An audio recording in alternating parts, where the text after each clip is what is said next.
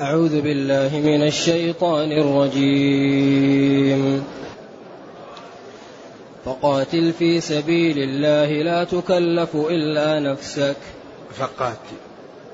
فقاتل في فقاتل بالفعل. أيوة. أيوة نعم. فقاتل في سبيل الله لا تكلف إلا نفسك. وحرض المؤمنين. عسى الله أن يكف بأس الذين كفروا والله أشد بأسا وأشد تنكيلا. إن يشفع شفاعة حسنة يكن له نصيب منها. ومن يشفع شفاعة سيئة يكن له كفل منها. وكان الله على كل شيء مقيتا. وإذا حييتم بتحية فحيوا بأحسن منها أو ردوها. إن الله كان على كل شيء حسيبا. الله لا إله إلا هو. ليجمعنكم إلى يوم القيامة لا ريب فيه. ومن أصدق من الله حديثا. فما لكم في المنافقين فئتين والله أركسهم بما كسبوا. أتريدون أن تهدوا من أضل الله؟ ومن يضلل الله فلن تجد له سبيلا. الحمد لله الذي أنزل إلينا أشمل الكتاب وأرسل إلينا أفضل الرسل وجعلنا خير أمة أخرجت للناس. فله الحمد وله الشكر على هذه النعم العظيمة والآلاء الجسيمة. والصلاة والسلام على خير خلق الله وعلى آله وأصحابه ومن اهتدى بهداه. أما بعد فقد قلنا في الدروس السابقة أن هذا الكتاب بالاختصار جاء يبين ثلاث جمل. الله معبود بحق ومحمد صلى الله عليه وسلم مرسل من عند الله ووعد المصدق به الجنة وأوعد المكذب به النار. إذا هذا الكتاب جاء لهذه المعاني الثلاثة تكرر. وهذه المعاني أحيانا تظهر في جمال الأحكام التي يؤمر بتنفيذها. وأحيانا يظهر هذا المعنى بخطر الأمور التي ينهى عنها. وأحيانا يظهر بجمال الأسلوب التي تأتي هذه المعاني في قوالب داخل فيها. وهو يتكرر يتكرر. لأن هذا الكتاب هو جاء لإنقاذ البشرية. لذلك دائما يأمر وينهى ويرشد وبعدين يأتي للنهاية. فهنا يقول ولولا فضل الله عليكم ورحمته لاتبعتم الشيطان إلا قليلا. لولا حرف امتناع لوجود. امتنع اتباع الشيطان لوجود فضل الله ورحمته. ولما كان فضل الله هنا مجمل. هل المقصود به إرسال الرسل؟ هل المقصود به النعم التي أنعم الله بها على رسوله مما هي أخص من إرسال الرسل على خلقه؟ اختلف العلماء في المستثنى منه في قوله إلا قليلا. لذلك من العلماء من قال في الكلام تقديم وتأخير. ومنهم من قال فضل الله هنا إرسال الرسل. ومنهم من قال إلا قليل بمعنى لا شيء. وكل محتمل ولا بيان من النبي صلى الله عليه وسلم فلطالب العلم أن ينظر ويختار ما يراه ويرفق بالمخالف. لأن الذين قالوا ألاعوا به إلا قليل أو لاتبعتم الشيطان آه، يعني لعلمه الذين يستنبطونه إلا قليل مما لا يستنبط. أو لولا أن الله تعالى تفضل عليكم بأن أرسل لكم محمدا صلى الله عليه وسلم وبين لكم الحلال والحرام لاتبعتم الشيطان إلا قليلا كانت عنده بقية نذارة قبل مبعث النبي صلى الله عليه وسلم. وهذا وإن كان سائغا إلا أن النصوص ترده لتنذر قوما ما أتاهم من نذير من قبلك لتنذر قوما ما أنذر آباؤهم. إذا الذين جئتهم لم تكن عندهم بقية نذارة أو تكون إلا قليل بمعنى لا شيء. لاتبعتم الشيطان كلكم. إذا فضل الله إرسال الرسل أو ألاعوا به إلا قليل. أو علمه الذين يستنبطونه. نعم إلا قليل. والكل سائغ ولا بيان من النبي صلى الله عليه وسلم. نعم. إذا قال فقاتل في سبيل الله. قاتل في سبيل من؟ في سبيل الله. إذا النفس غالية ولا تعطى إلا لله. نفس الإنسان غالية لا يعطيها هباء يعطيها لله لإعلاء كلمة الله. ولذلك الصحابة لما سألوا الرجل يقاتل حمية ويقاتل ليرى للمغنم.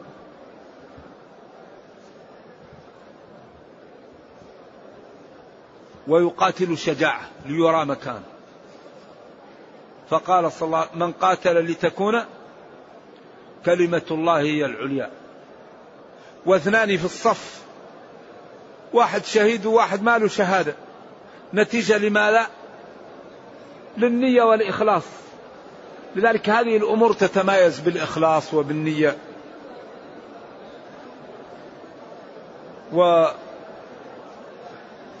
والجود بالنفس أقصى غاية الجود. لذلك الله قال إن الله اشترى من المؤمنين أنفسهم وأموالهم بأن لهم الجنة يقاتلون في سبيل الله فقاتل في سبيل الله. بعدين قال ومن أوفى بعهده من الله فاستبشروا ببيعكم الذي بايعتم به. إذا هذا الدين دين مبني على أسس وعلى قواعد قوية. راسخة. فإذا أراد المسلمون العزة بهذا الدين يتمثلون الإسلام.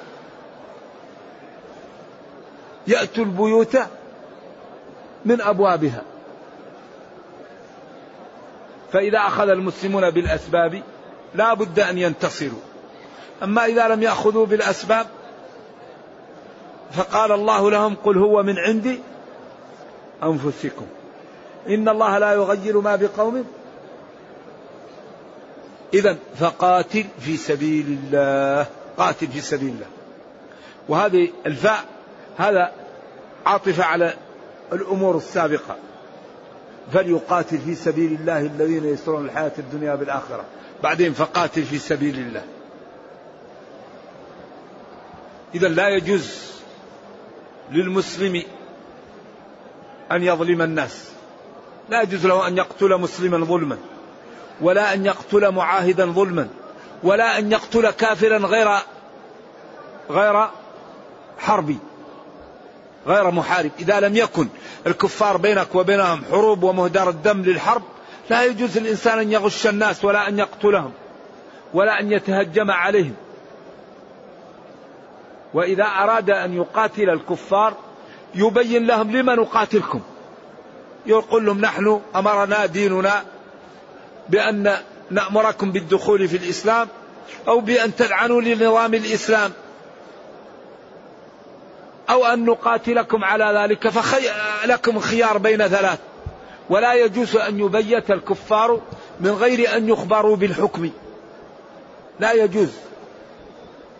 تبييت الكفار من غير أن يكون عندهم علم بالدين وتأتيهم الرسل ويكفروا بها لا يجوز. ولا يجوز إذا كان بينك وبين الكفار عهود أن تنقضها حتى تبين لهم. وإذا خفت منهم النقض أخبرهم أن ليس بينك وبينهم عهد.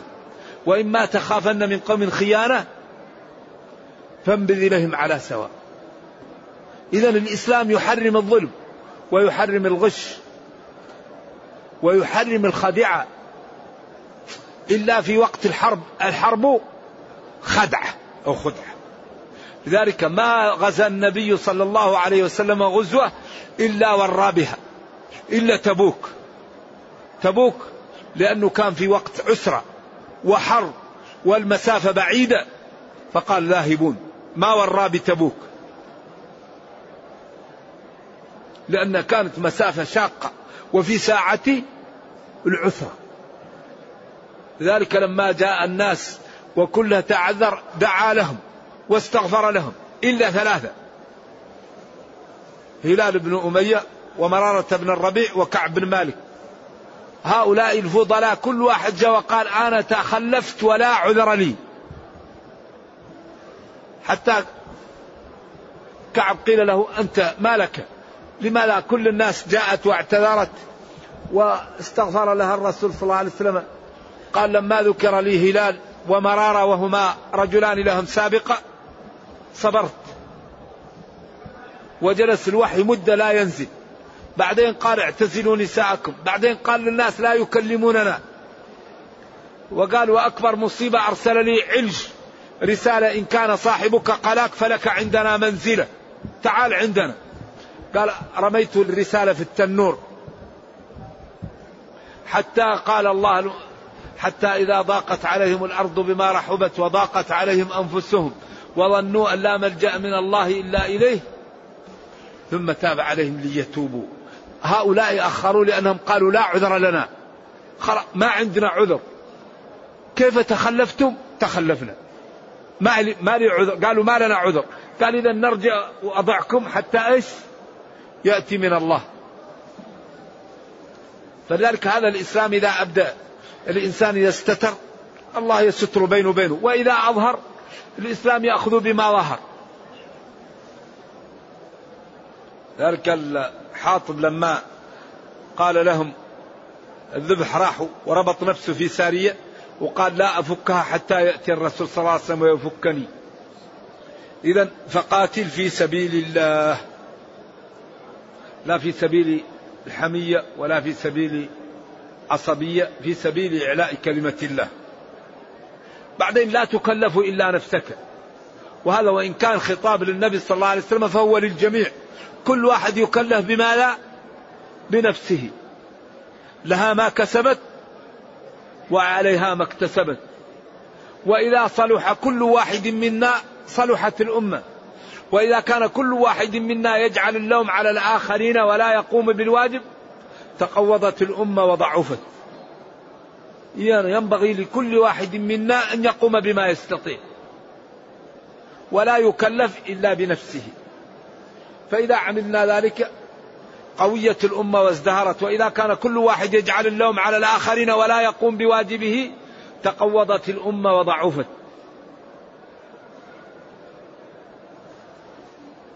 ومن سبيل الله المقاتلة عن الضعاف.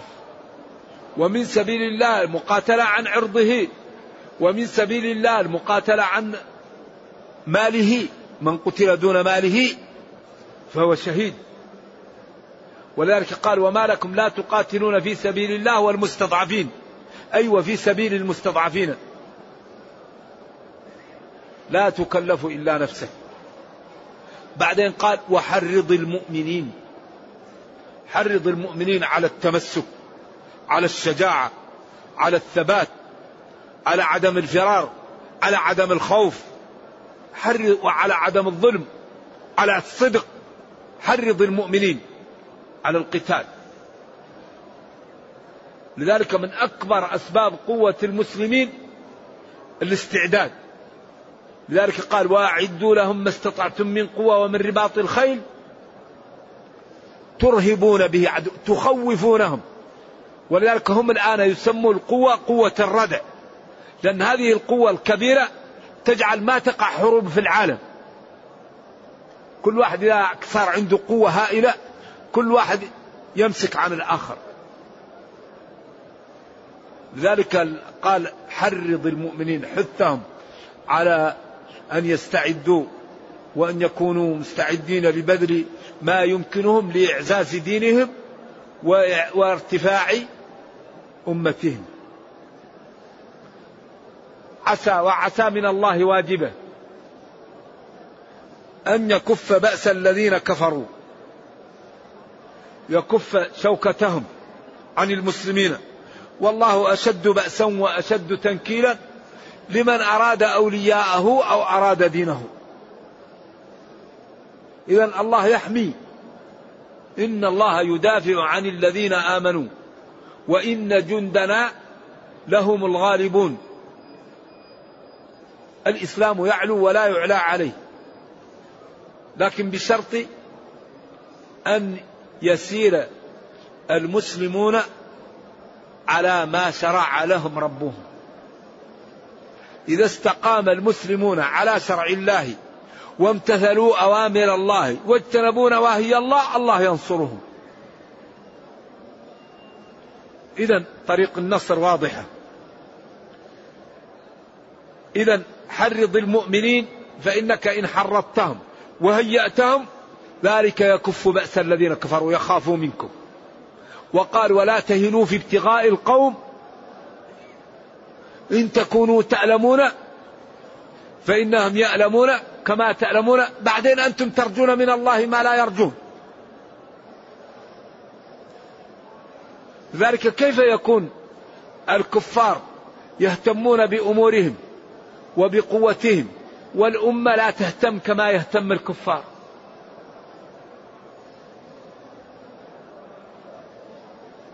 والله يقول إن تكونوا تعلمون فإنهم يعلمون. وقال إن يمسسكم قرح قد مس القوم قرح مثله وتلك الأيام نداولها بين الناس. ولا يمكن الإنسان أن ينال العز إلا بالتضحية. ما يمكن. العز لا بد فيه من البذل. لولا المشقة ساد الناس كلهم. لما لا؟ الجود يفقر والإقدام قتال والسؤدد منحصر في النفس والمال. ما في طريق ثالث للسؤدد. نفسك. تعلم الناس. ترد عنها الظلم. تردها عن الظلم. تؤطرها لدين الله. تبين لها خطورة المعاصي. تبين لها خطورة الكذب. تبين لها خطورة الظلم. تبين لها خطورة الكسل. وما يسبب للأمم من الضعف والتقويض. تبين أهمية الإنتاج. وأهمية التخطيط. وأهمية شراء العقول. وأهمية الإبداع وأهمية الاستشارة. مالك تصلح به ذات البين تبني به المساجد تحصن به الثغور. تعمل جزء منه للمنح للأذكياء من أبناء المسلمين الفقراء الذين لا مال لهم يدرسون به.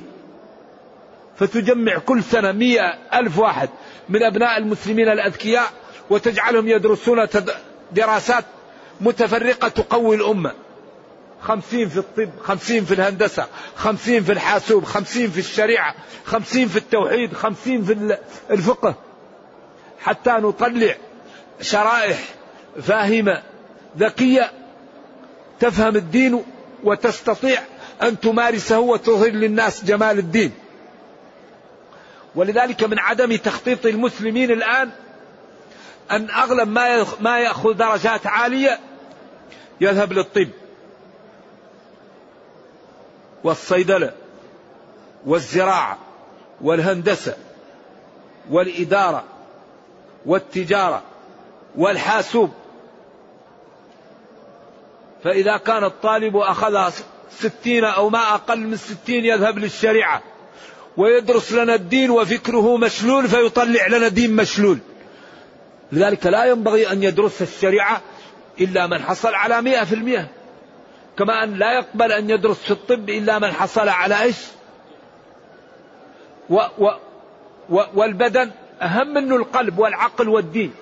فلذلك ينبغي أن يحرص أن لا, يتخصص في الشريعة إلا أصحاب المعدلات العالية حتى يكونوا فاهمين للشريعة واستنباطهم صحيح وفهمهم صحيح ودراستهم صحيحة. أما كل التخصصات العليا تذهب للتخصصات المدنية والتخصصات الضعيفة تذهب للشريعة ويطلعوا لنا ناس.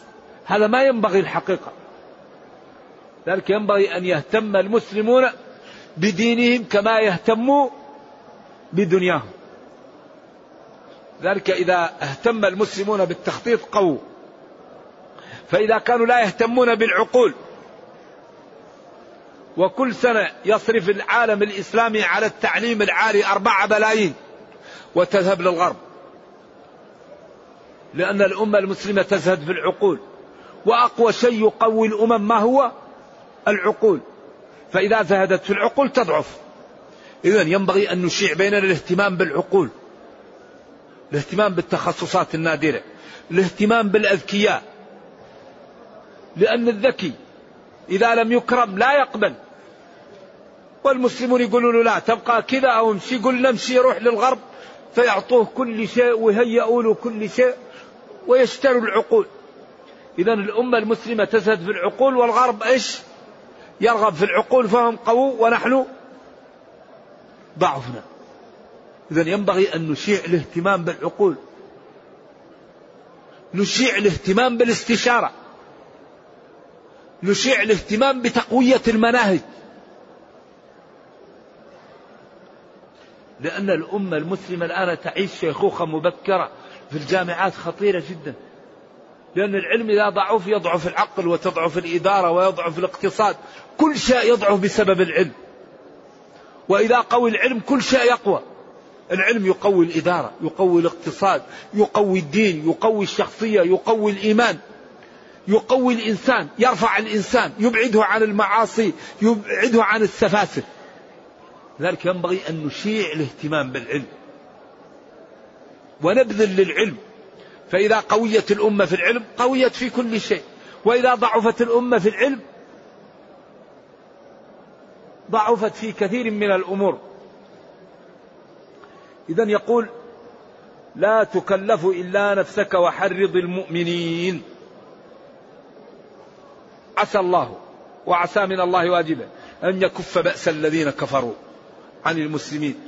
والله جل وعلا أشد بأسا وأشد تنكيلا إذا أراد أن يوقع بأعدائه وينصر أولياء وينصر أولياءه إذا ساروا على ما رسم لهم.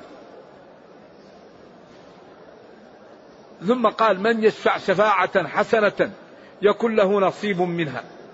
ومن يشفع شفاعة سيئة يكن له كفل منها. شوف هذا فتح باب المروءة. فتح باب المساعدة فتح باب النبل. من يشفع؟ الشفاعة هو أن تضم نفسك لواحد لت... لت...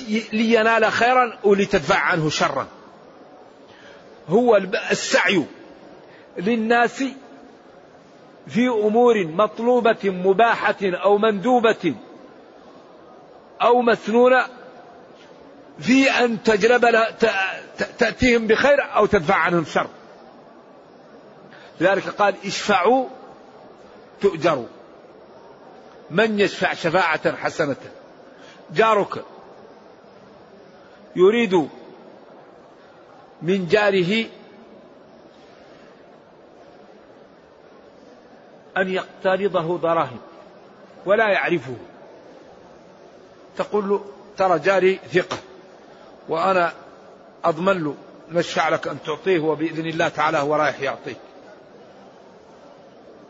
جارك عنده معاملة عند شخص يريد أن يدخل ماء أو كهرباء أو يعمل مخطط لأرض أو يطلع رخصة أو يطلع تذكرة. تكتب له حروف يا فلان يجيك جارنا فلان آمل أن تساعده.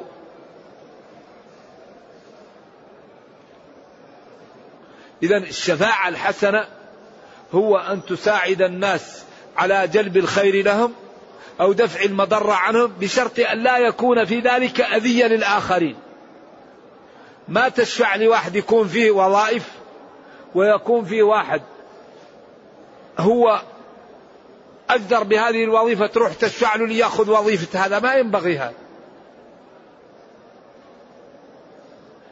أو تشفع لواحد يريد أن يظلم ضعيف. لا. أو واحد يريد أن يعتدي على أرض واحد. لا. شفاعة حسنة. وهي التي تكون في أمر مباح أو مسنون أو مندوب ولا يكون حرام. أيوة. إذا هذه هي الشفاعة الحسنة. ومن يشفع شفاعة سيئة يكون له كفل منها. يكون عليه وزر منها. واحد يشفع لواحد أنه لا سمح الله يدخل مع الجمارك شيء محرم. يشفع لواحد أنه رسوم لا يدفعها. هذه الشفاعة سيئة. لأن هذه الرسوم هي اللي يقائم بها البلد. فإذا كان يشفع لواحد لا يدفع رسوم والثاني لا يدفع رسوم تتقوض المصالح العامة. إذا ما دامت هذه الرسوم يعني تعمل بها هذه الإدارة وتقوم بها مرافق. وواحد يروح الواحد يقول له لا أدفع لا تدفع الرسوم والثاني لا تقوض هذا؟ أو يشفع له أنه يدفع لهذا رشوة هذه مشكلة هذه شفاعة سيئة. أو يشفع له أنه يفحص السيارة وتكون السيارة إيش؟ ما تقدر تمشي ويروح ويمشيها. هذه شفاعة سيئة. هذا يمكن يسبب حادث يمكن يقتل نفسه ويقتل الآخرين. ذلك في أمور ما تصلح لأن هذا يسبب حادث. تكون السيارة فيها أشياء تحتاج تغيير. وبعدين يروح يشفع له ويروح يحط له الكرت هذا على هذا. مشكلة هذا. إذا الشفاعة الطيبة صاحبها ينال الأجر والشفاعة السيئة الحرام صاحبها ينال الوزن. وكان الله بكل شيء وكان الله إيش؟ قيتا مقيت. حافظ. مؤقت. مهيئه. فإذا كل شيء عند الله مؤقت ومحسوب ومجازى فيا عبد إن أردت الخير هذه طريق. وإن أردت الشر هذه طريقها. والقضية الوقت ضيق جدا فينبغي لمن يريد الخير أن يبادر حتى لا يفوت عليه تفوت الفرصة. لأن الشر سهل ووقت قليل من الشر يكفي يغمر. لكن الصعب الخير وتثبيت الخير صعب. فلذلك ينبغي لمن يريد الخير أن يبادر حتى لا لا يفوت عليه الأوان. يحاول أن يشتغل ما يقدر. يحاول أن يتوب. يقفل بينه وبين التوبة. ولذلك ماذا يقضى على المرء في أيام محنته حتى يرى حسنا ما ليس بالحسن. يتمنى بعض الناس أن يكون تاب. يتمنى أن يكون عمل. يتمنى أن يعادل الدنيا ليقول رب اغفر لي خطيئتي يوم الدين. أما نحن والآن لا زلنا في الدنيا فينبغي كل واحد أن يفتح صفحة جديدة ويتوب ويعمل ويشتغل ويبتعد عن المعاصي وعن الشبه. وربنا كريم. لكن الذي يسوف قد تضيع عليه الفرصة. إذا من يشفع شفاعة حسنة يكون له أجر منها. في مال في مصلحة في وظيفة في تعليم في منفعة. ومن يشفع شفاعة سيئة يكون له كفل منها وزر وحظ منها. وكان الله جل وعلا على كل شيء مقيتا مؤقت وحسيب وحافظ وقادر على الأقوال الموجودة في مقيت. ثم قال جل وعلا وإذا حييتم بتحية فحيوا بأحسن منها أو ردوها. هذا للعلماء في ثلاثة أقوال. وإذا حييتم بتحية من المسلمين فحيوا بأحسن منها. أو من غير المسلمين فردوها. أو أي تحية حييتم بها فأنتم مخيرون بأن تردوها بالمثل أو تزيدوا عليها. أو قيل إذا حييتم بتحية وترك لكم المحيي فرصة فحيوا بأكثر منها. وإن لم يترك لكم فرصة فردوها. السلام عليكم. تقول وعليكم السلام ورحمة الله. قال السلام عليكم ورحمة الله. قل وعليكم السلام ورحمة الله وبركاته. قال السلام عليكم ورحمة الله وبركاته. قل وعليكم السلام ورحمة الله وبركاته. وقيل الكفار يسلم عليهم بمثل ما سلموا. وقيل لا يسلم عليهم وقيل يقال لهم وعليكم. والعموم في ذلك أن من سلم عليك ترد عليه. إلا أن ورد في الكفار أنهم إذا سلموا عليكم قولوا وعليكم. والسلام فيه من الأجر والخير والطمأنينة و و وإزالة الوحشة من النفوس ما لا يعلمه إلا الله. ولذلك في الأثر أو في الحديث ألا أدلكم على شيء إن فعلتموه؟ تحاببتم. ألا فافشوا السلام بينكم. ألا فافشوا السلام بينكم. الإنسان يكون متوحش منك ومتوجس. إذا قلت له السلام عليكم اطمأن. أنس لذلك السلام سنة مؤكدة. ورده واجب. قيل فرض كفاية وقيل فرض عين والجمهور أنه فرض كفاية.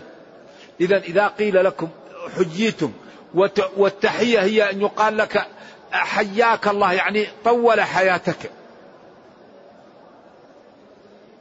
ولكن نحن المسلمين يعني تحيتنا السلام عليكم.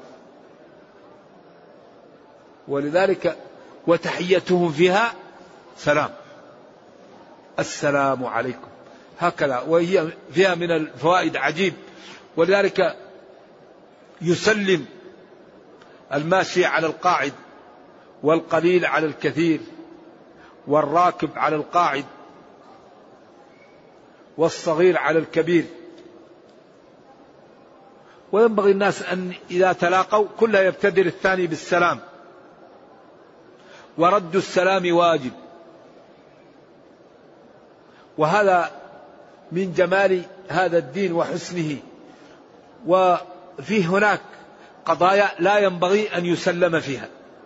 القارئ والمصلي والمشغول بالطعام والمشغول على حاجته والمشغول مع أهله. واللاعب لاهي. لا ما ينبغي قال لك عشرة. لا ينبغي أن يسلم عليه اللاعب للشطرنج أو اللاعب للكرت اللاهي اللاعب الذي على حاجته مع أهله يأكل يصلي يقرأ. هؤلاء الأولى أن لا يسلم عليهم لأن رد السلام واجب وهم مشغولون. فلا تحرجهم. ذلك ينبغي للإنسان أن يكون أديبا وأن يكون رفيقا بإخوانه. فالسلام سنة ورده واجب وهو مشغول فلا تحرجه بالوجوب عليه وهو مشغول. فديننا دين جميل الإسلام دين عجيب. لذلك كل ما نحتاج إليه في هذا الدين أي شيء نحتاجه موجود في ديننا. بس ينبغي لنا أن نعطيه ماذا؟ نعطيه الوقت. كل شيء بالوقت. نعرف الواجب ونمتثله ونعرف الحرام ونتجنبه والمسنون نفعله والمكروه نتركه والمباح نخير فيه.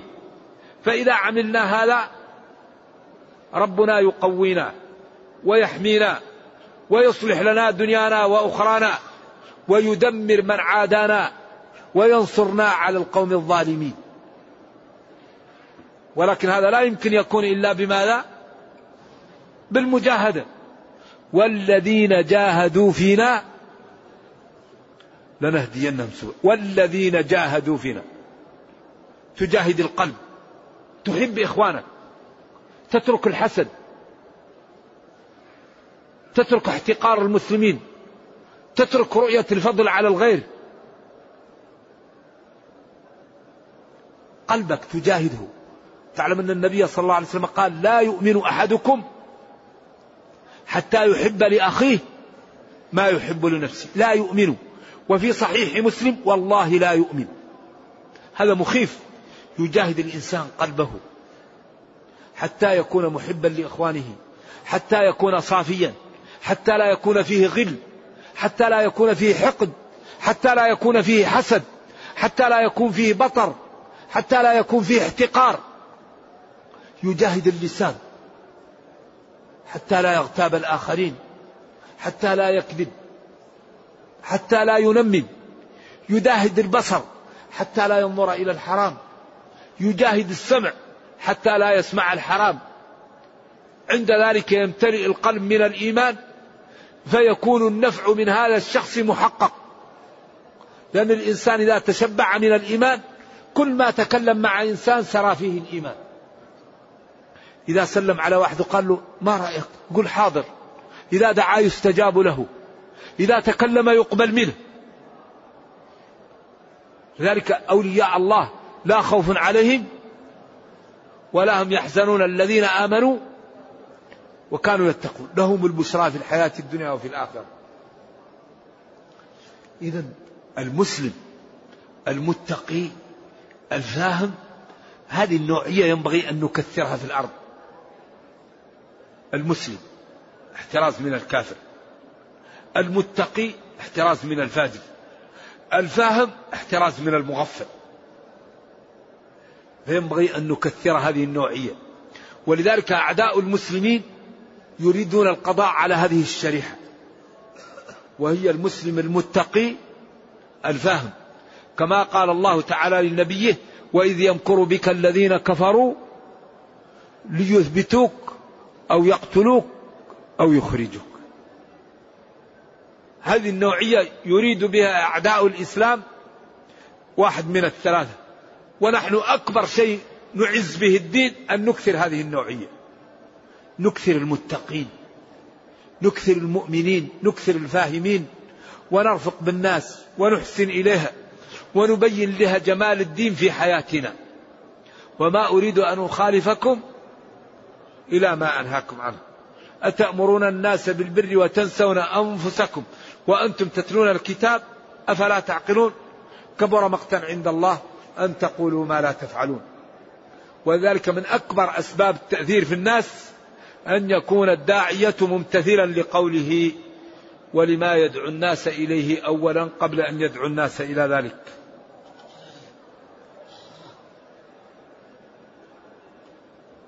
إن الله جل وعلا كان على كل شيء حسيب يعني حاسب ومؤقت ومجازي.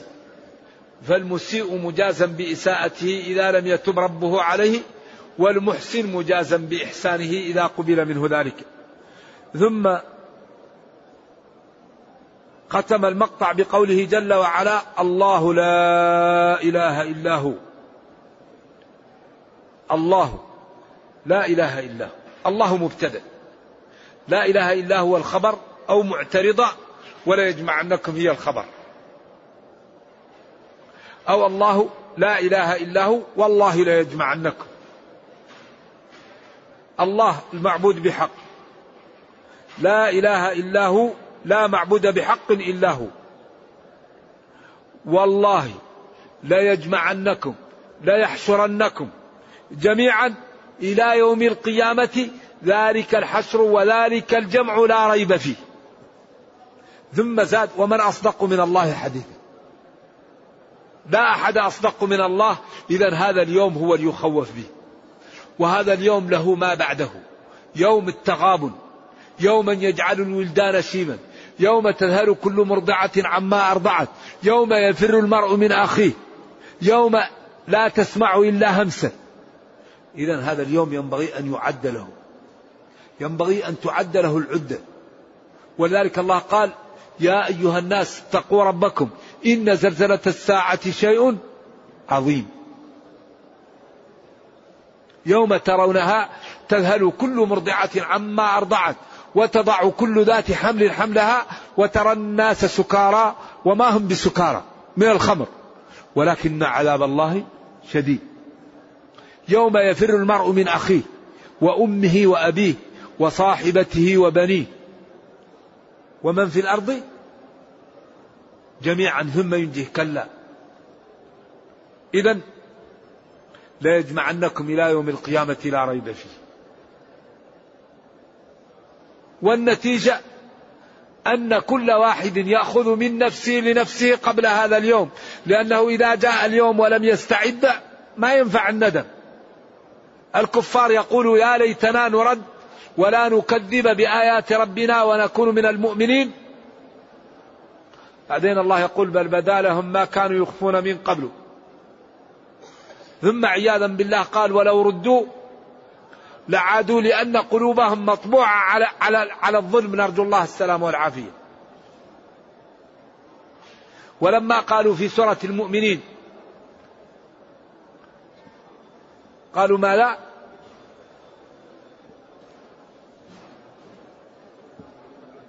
رب ارجعون.